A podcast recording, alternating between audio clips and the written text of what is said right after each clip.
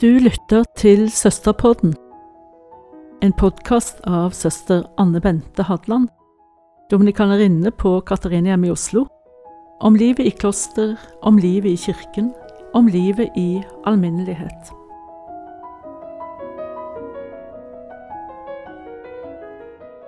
Da er vi i gang med fjerde del i serien om Det annet Vatikankonsil, pater Fredrik og jeg. Eh, brudd og kontinuitet står som tittel på dette siste litt sånn oppsummerende innlegget.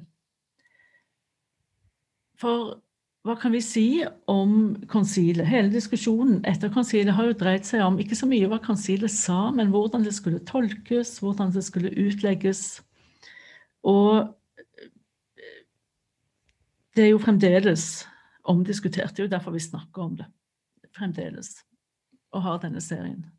Så hva kan du si om det, pater Fredrik? Forståelsen av konsilet? Jeg vil da begynne med å eh, gå tilbake til eh, det vi snakket om i første episode. Nemlig hva er et konsil? Hvordan forstår vi et konsil? Hva, og hvilken rolle har et konsil i kirken? Eh, konsiler er, er kirkemøter. Eh, bispemøter bestående av alle eh, kirkens biskoper, som har myndighet og oppgave å, å lede kirken, forkynne for hele kirken, legge ut kirkens lære for hele kirken. Vi snakket om bispekollegiet, apostelkollegiets etterfølgerkollegium. Alle biskopene og, og paven i enhet. Eh, jeg tror det er viktig å begynne der, fordi vi har sett eh, etter konsilet at eh, veldig mange som forsøker å fortolke og fremlegge konsilet, faller veldig lett inn eller faller veldig ned i enkelte fallgruver. Altså man går i grøfta med hvordan man legger frem konsilet. Det første er at, eller Den første fallgruven er at man leser konsilet og forstår konsilet som en, en politisk realitet, en kirkepolitisk hendelse. Vatikan II blir eh, som Stortinget for kirken. Og man leser dette som om man eh, forstår eh, en, en, politisk diskusjon. Eh, de, dette blir eh, feil, for det er ikke det konsilet var. Eh, og det gjør at man man greier ikke å favne konsilets helhet. Eh, det blir overfladisk. Eh, den andre fallgruven er at man tolker alt konsilet gjorde og alle diskusjonene i et lys av liberale på den ene siden og konservative på den andre. Og ser konsilet som en, en, en kamp mellom et progressivt flertall som ville ha kirken fremover, og et reaksjonært mindretall som ville ta kirken eh, tilbake. Eh, dersom man ser på eh, dokumentene, så er det kontinuitet og konsensus. Ved avslutningen av alle dokumentene så ble det stemt over de, de, ulike tekstene. Og Hvis man ser på stemmetallene, så, så handlet ikke konsilet om et uh, konservativt mindretall og et progressivt flertall. Fordi alle tekstene fra Det annet Vatikankonsil uh, ble godkjent med enorme flertall. Uh, F.eks. teksten om religionsfrihet, Dignitatis Humane, som Eh, nok var den mest eh, omdiskuterte av alle tekstene i løpet av konsilet, eh, ble vedtatt med over 2300 stemmer for og kun 70 stemmer imot.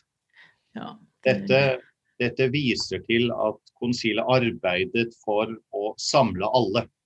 Mm. Det arbeidet konsekvent for konsensus, for enhet fordi konsilet forsto seg selv som eh, dette kollegium samlet for å lede hele kirken.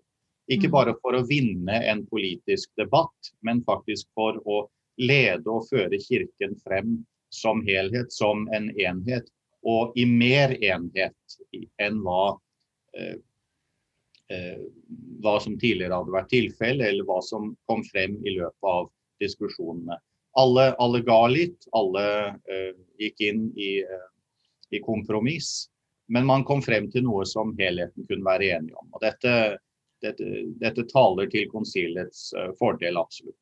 Ja, det, er jo, det du nevner der om konsensus er jo veldig viktig. fordi at eh, vi, Det jo, gjelder jo bare for å ta det ned på et helt konkret og dagligdags plan, sånn som her i vår kommunitet på Katarinehjem òg. Altså, konsensus er jo målet med våre samtaler og diskusjoner også. Det er, ikke at, eh, det, det er forholdsvis greit å få til en flertallsavgjørelse, hvis det er det du vil ha, men målet er en beslutning som alle kan stille seg bak. Eh, selv i, Jeg husker spesielt godt da vi, da vi skulle gjøre om på kapellet. Det er jo også en frukt av Vatikankonsilet. Vi gjorde om én gang omkring 1970, det var ikke jeg med på, men så hadde vi en ny eh, omgjøring da i 93, var vel det. Og det tok jo en uendelighet av tid og en uendelighet av runder i kommuniteten. Men siden har jeg jo tenkt for meg, som var relativt ny i klosterlivet da, så var det en veldig viktig lærdom for hvordan du går frem. Fordi at dette er noe som er så vitalt for alle sammen. Og det var så viktig at det var en beslutning som alle kunne stille seg bak, og alle kunne føle seg hjemme med. Og det er jo overført til konsilet og kirken faktisk målet for um, hva skal vi si, utviklingen i kirken også. Jeg tror det var eh, Det er også en av fruktene uh, i og, etter det andre Vatikankonsil, en, en større forståelse av kirkens universalitet. Mm. Eh, kirken er ikke bare uh, Sør-Europa, kirken er hele verden. Uh, og det ser man nok også i løpet av konsilets arbeidsøkter, at, at biskopene forsto at her snakket vi om en, en verdenskirke. En kirke som måtte ta inn over seg erfaringene fra Afrika, fra Asia, fra, fra Midtøsten. Uh, også fra eh, Vest-Europa, Øst-Europa osv. Eh, det er også veldig tydelig i konsilet at eh, man ser denne gradvise åpningen og forståelsen for de orientalske kirkene. Altså de østlige kirkene i enhet med Roma, hvor, mm. hvor flere av deres biskoper var, var viktige, f.eks. For i forståelsen av kirken, i forståelsen av Eh, av det, det synodale og, og, kirkemøtene som en, en, en viktig del av, eh, av, kirkens liv, og noe som fører hele kirken eh, fremover. Og i, gjennom denne åpningen for, for kirkens katolisitet og universalitet, så, så, ser man nok også eh, akkurat denne konkrete konsekvensen, at man forsøkte å få alle med. Få helhet. helheten med. Eh, for da å kunne, kunne, styre hele denne skuta som er uh, den katolske kirken. Ja. 1,2-1,3 milliarder mennesker spredt over hele jorden, og hvor beslutningene som fattes i fellesskap, da, fortrinnsvis i, i Roma, faktisk skal ha gyldighet over hele verden. Det er jo en um, altså man, jo helt, man kan jo gi opp hvis man tenker på at man skal få dette til med ren menneskelig hjelp. Men vi har jo heldigvis en som skaper enheten, og som vi skal leve i enhet med, og det er Kristus. Og uten ham så ville alt sammen bare rase sammen. Jeg leste en liten en, tekst av, av um, Ratzinger, da, pave Benedikt, om, om, Kristus og Eukaristien som enhetens garant i kirken. Og det er jo helt sant. Noen annen enhet fins egentlig ikke. Men um, hva kan du si om, hvis vi skal gå videre her, for du nevnte dette med progressive og, og, og um, konservative, og titlene 'Brudd og kontinuitet' eller 'Kontinuitet'. Og, og det slår meg jo at uh, de som mener at konsilet representerer et brudd, er jo på den ene siden de aller, aller mest reaksjonære som ikke godtar det annet Vatikankonsil. Um, og på den annen siden de progressive som ikke syns konsilet gikk langt nok. Og som derfor vil at det skal representere et brudd med det som har vært. Det er et uttalt brudd på den ene siden, et ønske om det, og på den andre siden en avvisning av konsilet fordi det var et brudd med det forgangne.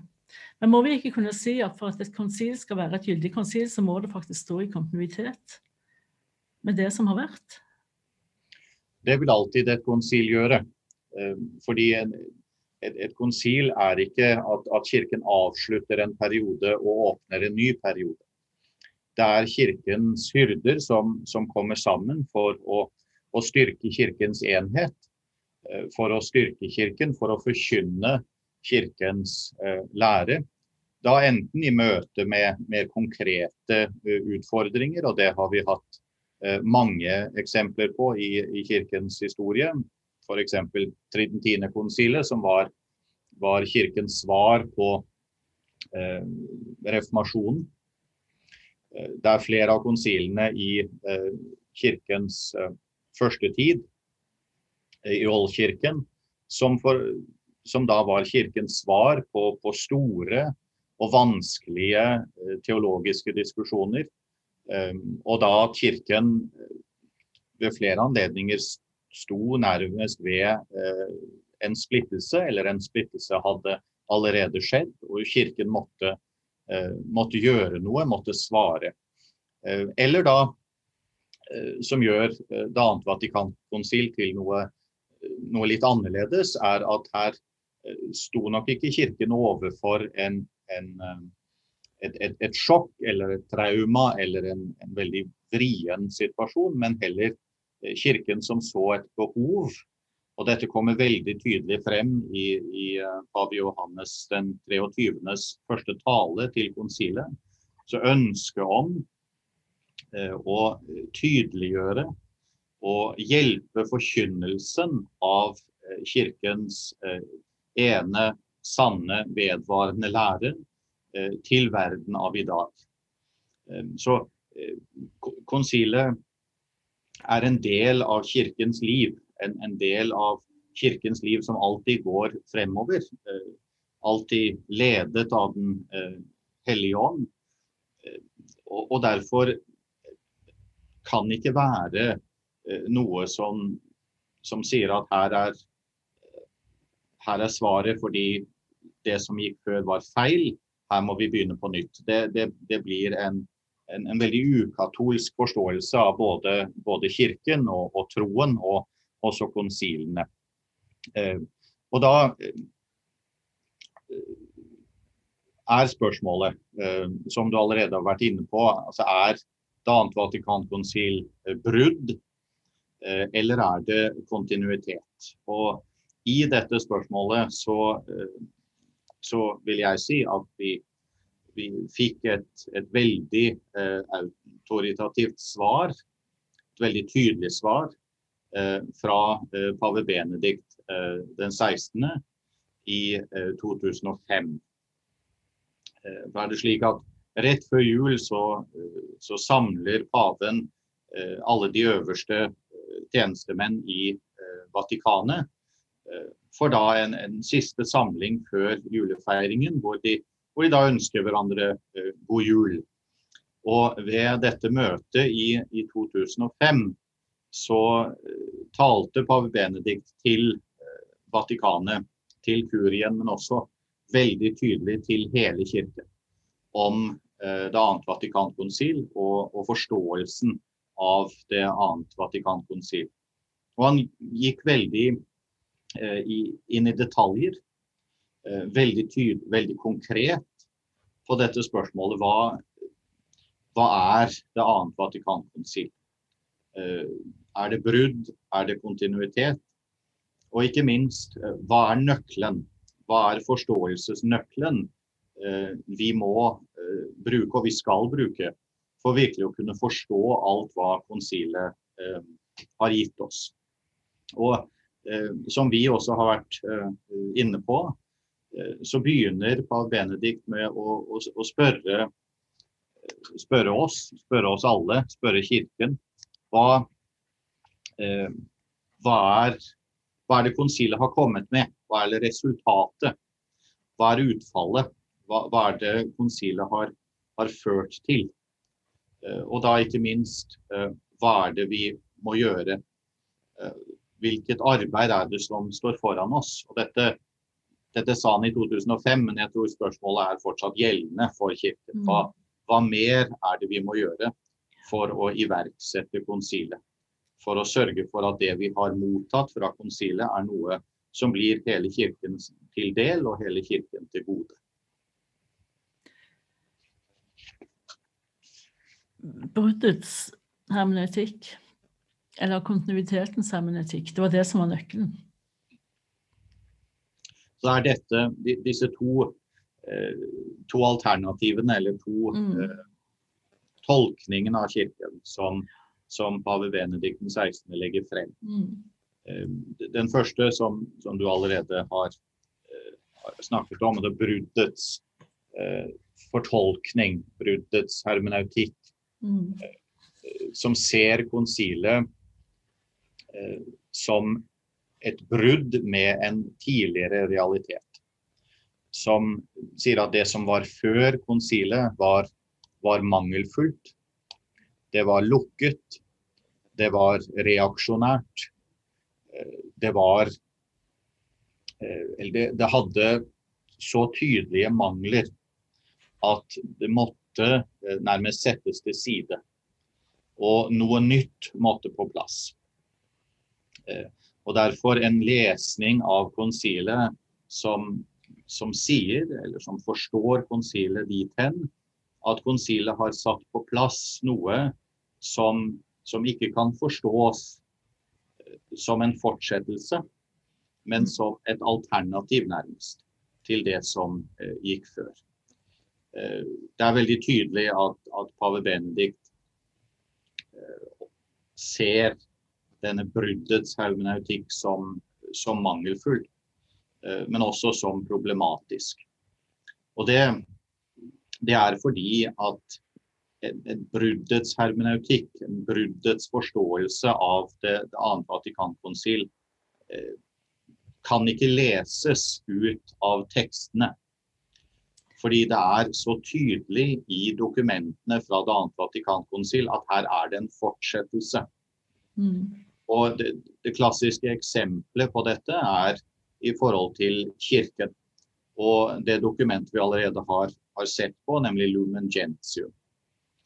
Hvor det annet Vatikankonsil bekrefter det første Vatikankonsils lære om pavens ufeilbarlighet i lærespørsmål, og eh, kirkevie eh, primat og, og, myndighet. Så her, i eh, et av dets mest teologiske dokumenter, så sier Vatikan 2 at alt hva Vatikan 1 sa, bekrefter vi. Og dette er, dette er forståelse, dette er ikke brudd. Det, det, kan ikke være brudd. Og Pav Bendik sa at den eneste måten man kan sette på plass en, en bruddets eh, hermeneutikk, en bruddets fortolkning om Vatikan 2, er å lese inn i konsilet eh, en forståelse av, av, Kirken og konsilet som ikke ligger i konsilet selv. Og Da mm. kommer vi tilbake til dette med konsilets ånd. At man forstår, eller man håper at konsilet egentlig mente, eller egentlig ønsket, å gjøre det og det og det men det er ikke grobunn for det. Det er ikke hold i det. Nei. Og da uh, stiller Pav Bendik uh, spørsmålet uh, som er åpenbart, men, men dessverre nødvendig, mm. som spørsmål dersom konsilets dokumenter ikke mente hva de sa, eller dersom konsilet mente noe annet enn det konsilet nedla i dokumentene, hvor finner vi da konsilet? Ja. Hvordan kan vi forstå et konsil som sa en ting, men angivelig mente noe annet? Ja, nettopp. Og dette er jo egentlig det er jo egentlig veldig logisk. og Hvis man ser på kirkehistorien også, så er det jo slik at altså, det, Som det andre Vatikankonsil, som satte det første Vatikankonsil i kontekst, altså i den konteksten som manglet på et vis ved det første Vatikankonsil, nå kan du si konteksten er en annen ved det andre Vatikankonsil. Altså ved den konteksten i kirke var en annen på 1960-tallet enn i 1870. Altså Kirken er den samme, men den, den, identiteten som Kirken får fra omgivelsene, var en annen. Altså Kirkens stilling i samfunnet, um, den geopolitiske stillingen, kirkestaten var opphevet. ikke sant? Altså Det var mange sånne ting som spilte inn. Uh, men det som læreutviklingen i Kirken, da, for å si det sånn, den har jo hele tiden, jo hele tiden vært ikke å gå tilbake på det man alltid har trodd, men det har vært å på en måte overby, eller å kontekstualisere.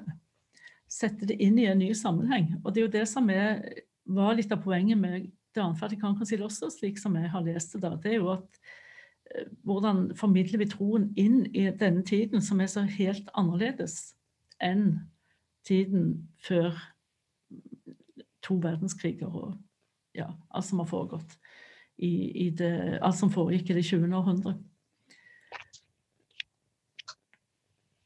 Så der tenker jeg, Det var jo motivasjonen for konsilet også. Det er jo slik, eh, og det er jo en stadig utfordring for oss som kirke. Hvordan kommuniserer vi troen? Hvordan formidler vi troen inn i en ny virkelighet? Inn i en, ja, i en ny kontekst. Altså til ungdom som har en helt annen oppvekst enn det uh, min generasjon hadde, i hvert fall. Og andre familieforhold, andre politiske, kulturelle forhold. Hvordan formidler vi troen på en effektiv måte inn i denne, og en troverdig måte, ikke minst, inn i denne virkeligheten. Og det er jo det som har vært, tenker jeg, um, Kirkens utfordring hele tiden. Jeg, tenker på en som nå, nå, gjør jeg et sprang, altså. Nå hopper jeg tilbake til 1300-tallet, for der syns jeg det er ålreit å være. Katarina av Siena, som ble erklært kirkelærer, og som verken kunne lese eller skrive, hun var jo, men som hadde en intuitiv forståelse for troen og troens sannheter, og som maktet å formidle det nettopp inn i en veldig kritisk situasjon. Og hvordan hun bidro til å skape fornyelse i kirken fra grunnplanet av.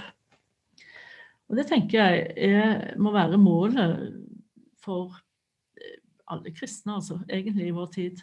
At det er den levde troen som bringer fornyelse i kirken, og som bringer kirken fremover. Og, og eh, Vatikankonsilet med dets uh, vektlegging av uh, legfolkets rolle, f.eks., var uhyre viktig. Jeg tror det er Her kommer vi også tilbake til, um, til vår samtale om, om, liturgidokumentet. Som også påpekte som eh, pavene før og under og etter konsilet også eh, påpekte at man har en uforanderlig del mm. av liturgien. Som vi har en uforanderlig del av troen. Og så har vi en, en foranderlig del, noe som vi kan endre på. Som, kan, som kan tilpasses, som kan studeres, som kan vurderes. Og dette, dette gjelder også troen og troens forkynnelse. Vi kan ikke sette til side at, at Gud er treenig. Vi kan ikke sette til side at, at Jesus Kristus oppsto fra de døde den tredje dag. Dette er uforanderlige deler av troen. Men konsilet tok for seg eh, disse spørsmålene. Hvordan forkynner vi vår tro? Hvordan legger vi troen skatt frem? Og det, dette er en, en, fortsettelse og en del av iverksettelsen av konsilet som, som vi ennå eh, hanskes med, som vi ennå eh, arbeider med, sliter med til tider, eh, utfordres av eh, til tider. Hvordan eh, også nå i, i møte med, korona Eh, hvordan forkynner vi troen til mennesker som eh, i lang tid aldri kom til kirken? Hvordan forkynner vi troen til, eh, til barn og unge som kanskje aldri har satt sine ben i kirken? Fordi de ble tatt opp av denne pandemien som tok over hele verden. Mm. Og da stadig stiller seg dette spørsmålet hvordan hvordan effektivt forkynne troen, uten da å sette til side. For det, det er jo da eh, noe av bruddets hermeneutikk og forståelse av, av konsilet, dessverre. Og denne, denne veldig løse, uklare tanken om konsilets ånd er at vi, vi, bare kaster over bord det som var før, og så begynner vi eh, på nytt. og det, det, det, blir helt, eh, det blir feil, og det blir nærmest umulig å, å holde eh, sammen som, som, en tanke. på. Og du, har, du var inne på eh, Bente, også at eh, vi ser i, i, deler av kirken i, i dag eh, en, en, reaksjon mot konsilet. Ikke da den, den, progressive tanken om konsilets ånd, hvor man, man tror eller man mener at, at, at konsilet ville langt videre. Mm. Ville sette til side prestenes sølibat, ville åpne for ordinasjon av, kvinner, ville legge til side kirkens morallære, ville bygge ned strukturer og, og skape kirkedemokrati på, på, alle plan. Men heller en, en, en annen bruddets hermeneutikk. Eh, for det er iallfall slik slik jeg leser en del av denne veldig reaksjonære eller konservative reaksjonen nå mot konsilet, er, er, også at man ser konsilet som brudd. Det som var før, var bra. Mm. Det som var før konsilet, var godt. Det var katolsk, det var, det var skikkelig. Det mm. som kom etterpå, var rotete, relativistisk, uh, ukatolsk.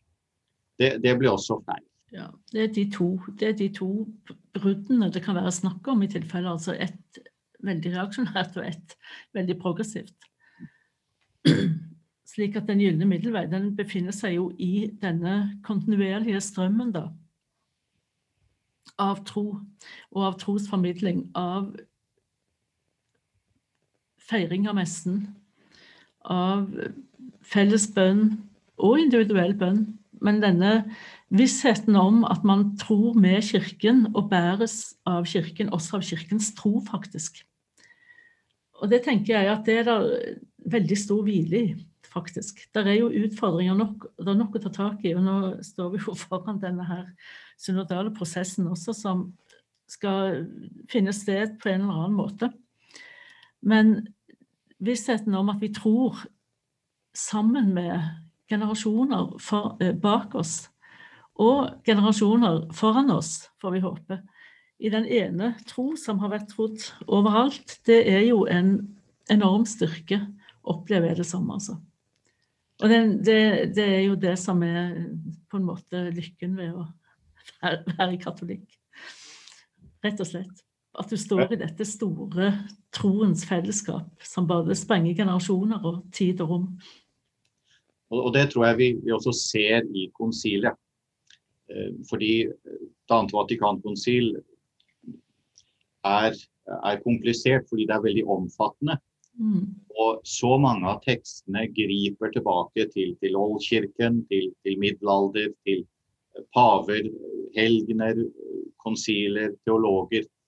Eh, og, og, Det er også noe av utfordringen ved konsiler. Vatikan 2 er så omfattende Eh, og så eh, komplisert fordi det er katolsk. Fordi det er universelt. Mm. Det er ikke en enkel løsning på et enkelt problem. Men, men, er heller det, det, store ved at her kom faktisk hyrdene fra hele kirken, fra hele verden sammen. For å, å forkynne troen til verden av i dag. Og det, det gjør man ikke på 1, 2, 3. Det gjør man ikke ved, ved, ved en, en Twitter-melding med 160 tegn, eller hva nå enn eh, det er. Det er noe langt mer. Og derfor er det Det er ikke bare bare å, å, å legge frem Annet Vatikankonsil. Men det, det, jeg tror vi har, har, greid å peke på i løpet av denne serien, er den store rikdom som ligger i konsilet. Disse store dokumentene som er er en fornøyelse å lese, eh, må jeg si eh, selv. Og, og, som har så mye å gi, og så mye å gi Kirken. Om vi da bare tar tak i det slik et konsil skal tas tak i, og, og slik vi som troende skal forholde oss til den lære et konsil legger frem. Ja, da er det vel egentlig bare én ting å si. Gå og les. Dokumentene er tilgjengelige. De er tilgjengelige på norsk. Eh, både på, på, nett og i bokform. Så det er i hvert fall ingen unnskyldning for å la være. Men takk skal du ha, pater Fredrik, for disse samtalene. Jeg, at, jeg har hatt glede av dem, og jeg håper at tilhørerne også har det. Takk selv.